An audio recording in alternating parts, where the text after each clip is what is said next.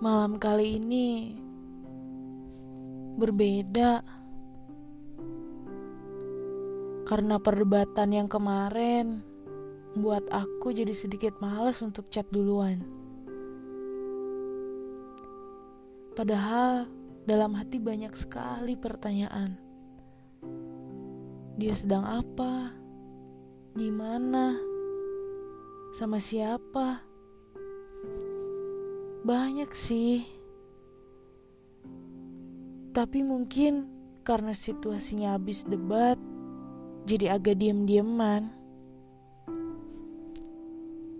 Masa sih aku chat duluan? Tapi harus ngomong apa buat mencairkan suasana? Aku harus mulai pembicaraan dari mana? Dan bahas apa juga? Kok jadi ribet ya kalau abis marahan atau debat? Cara balikin moodnya biar bagus lagi tuh susah. Cara balikin suasananya juga susah.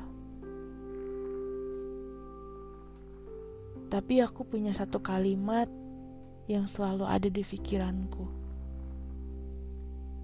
I love you.